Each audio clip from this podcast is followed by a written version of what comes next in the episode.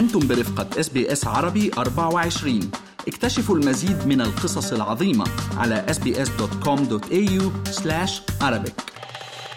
في هذه النشرة الجيش الإسرائيلي يطالب الأمم المتحدة بشكل عاجل ترحيل مليون شخص إلى جنوب غزة خلال 24 ساعة والأمم المتحدة تطالب بإلغائه. شرطة نيو ساوث ويلز تحذر باستخدامها صلاحيات غير معتادة لمسيرة مؤيدة للفلسطينيين في سيدني يوم الأحد القادم. وتحذير أوروبي لمنصات التواصل الاجتماعي تيك توك وفيسبوك وإنستغرام بشأن المحتوى المتعلق بالحرب بين إسرائيل وحماس. وسباق مع الزمن بين المؤيدين والمعارضين استعدادا ليوم الاستفتاء غدا السبت.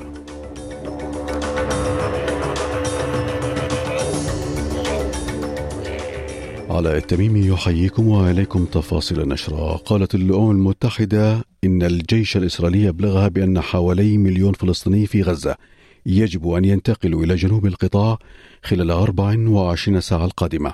وقال المتحدث باسم الأمم المتحدة ستيفن دوغاريك إنه من المستحيل القيام بذلك دون عواقب إنسانية مدمرة. وقال دوغاريك إن الأمر الذي أصدره الجيش الإسرائيلي ينطبق أيضا على جميع موظفي الأمم المتحدة وأولئك الذين يقيمون في منشآت الأمم المتحدة بما في ذلك المدارس والمراكز الصحية والعيادات فيما طالبت الأمم المتحدة إسرائيل بإلغاء هذا الطلب لعواقبه الوخيمة. فيما أفادت وسائل إعلام إسرائيلية أمس أن الجيش الإسرائيلي جاهز لعملية برية في غزة وينتظر الموافقة السياسية للتحرك وأن الهدف منها تجريد القطاع من السلاح وأن الجيش مستعد للبقاء في القطاع لأشهر. هذا وتخشى الجاليات اليهودية والفلسطينية في استراليا من حدوث الأسوأ لأحبائهم المحاصرين في هذا الصراع. وقالت نعومي دونيزا إحدى الناجيات من الهولوكوست وتركت بولندا في السابعة من عمرها وتعيش في بيرث إن عددا من أفراد عائلتها يعيشون في إسرائيل وهي على تواصل دائم معهم للاطمئنان عليهم. I'm sitting here and waiting for good news to hear from the family, not bad news. And every half an hour I ring my family, my brothers, my nephews, are you all right? Are you safe? Where are the children?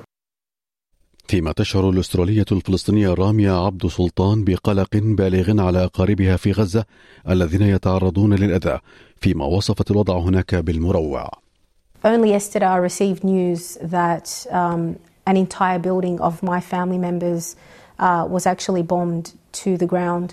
And it was only by, by coincidence or passing that they were able to evacuate that building and avoid being killed. They're extremely distraught. They, they are fed up. They have had enough, but they haven't given up. هذا وأعلن رئيس الوزراء أنتوني البانيزي صباح اليوم أن حوالي 19 أستراليا في قطاع غزة يحاولون الخروج وسط حصار كامل للموارد الحيوية وقصف جوي عنيف من قبل القوات الإسرائيلية دون توفر منافذ خروج من غزة مع إغلاق الحدود بين إسرائيل ومصر. وأعلنت الحكومة عن رحلتين مستأجرتين على الأقل ستنقلان الأستراليين من تل أبيب إلى دبي فيما قالت وزيرة الخارجية بيني وونغ ووزيرة النقل كاثرين كينغ أن شركة كوانتاس وافقت على نقل الأستراليين القادمين إلى لندن من تل أبيب إلى سيدني عبر سنغافورة مجانا. وأوضحت وزيرة الخارجية أنها تجري محادثات مع مصر لتأمين ممر آمن للأستراليين وغيرهم من المحاصرين في غزة Obviously, the situation in Gaza uh, is extremely difficult. Uh, we are engaging with Egypt, uh, uh as is the US, uh, about uh, seeking to establish humanitarian corridors, but obviously, the situation on the ground is extremely difficult. وضمن هذه المجريات حذرت شرطة ولاية نيو ساوث ويلز المتظاهرين من أنها قد تستخدم صلاحيات غير معتادة لتفريق حضور مسيرة مؤيدة للفلسطينيين في سيدني نهاية هذا الأسبوع. وقالت الشرطة أن الاحتجاج لا يزال غير مصرح به من قبل الشرطة وستعمل على تفتيش المتظاهرين أو المطالبة بتحديد هوياتهم.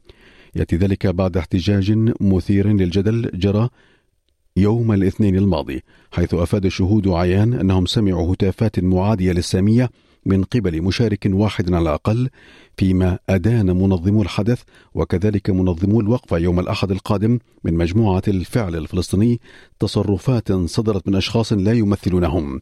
فيما طلب القائم بأعمال مفوض شرطة ولاية نيو ساوث ويلز ديفيد هيدسون من مواطني الولاية عدم حضور هذا التجمع.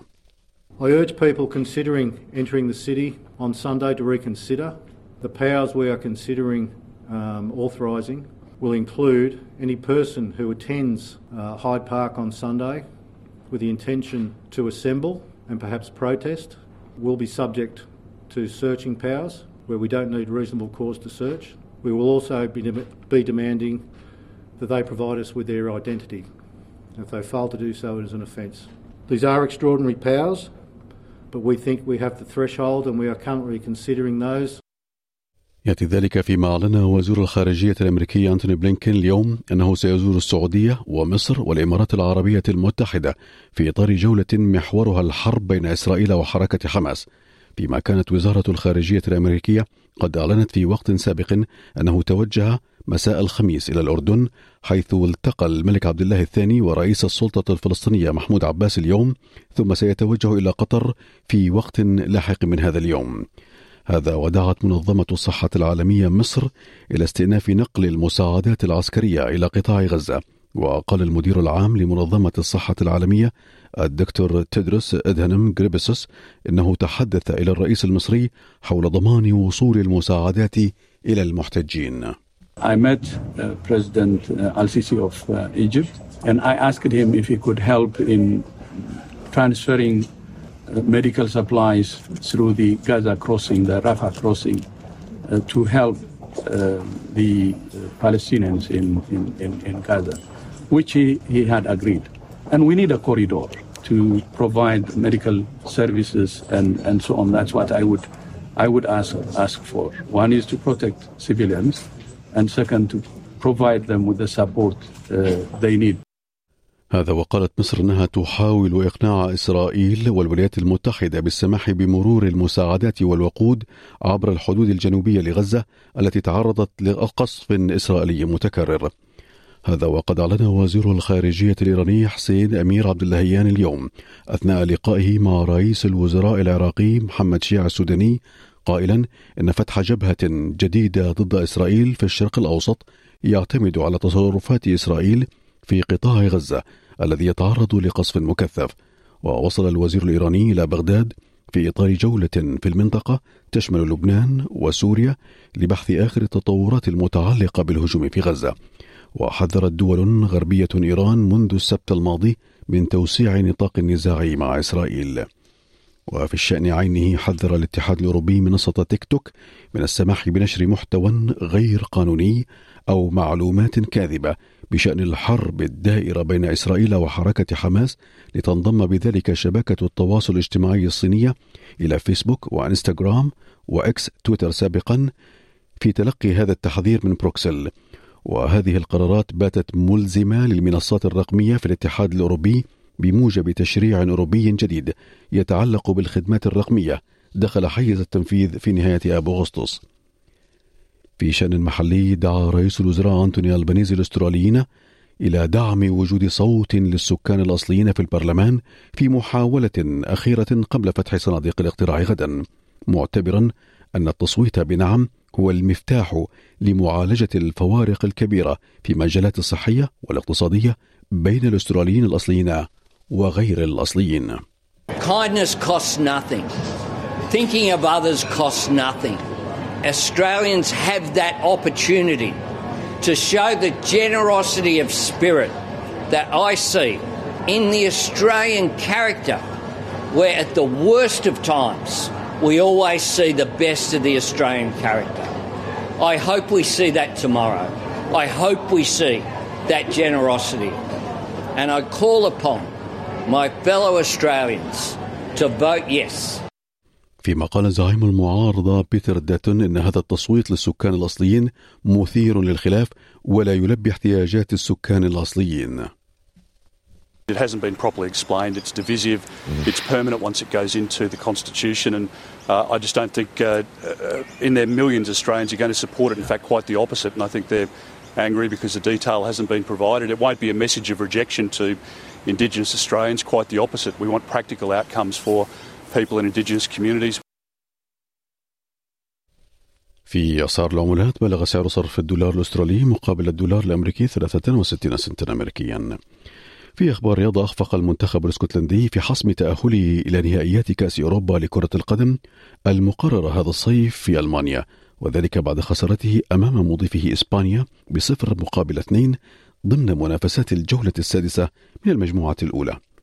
الآن درجة الحرارة المتوقعة ليوم غد كما يلي. في سيدني مشمس 18 ملبورن ماطر 18 بريسبن غائم جزئيا 30 بيرث مشمس 32 أدليد ماطر 20 هوبرت ماطر مع رياح 16 كانبرا غائم جزئيا 19 داروين مشمس 36 كانت هذه نشرة الأخبار قرأها على حضراتكم علاء التميمي من إس بي إس عربي 24 شكرا لإصغائكم. استمعوا إلى آخر إصدارات إس بي إس عربي 24 على جميع منصات البودكاست.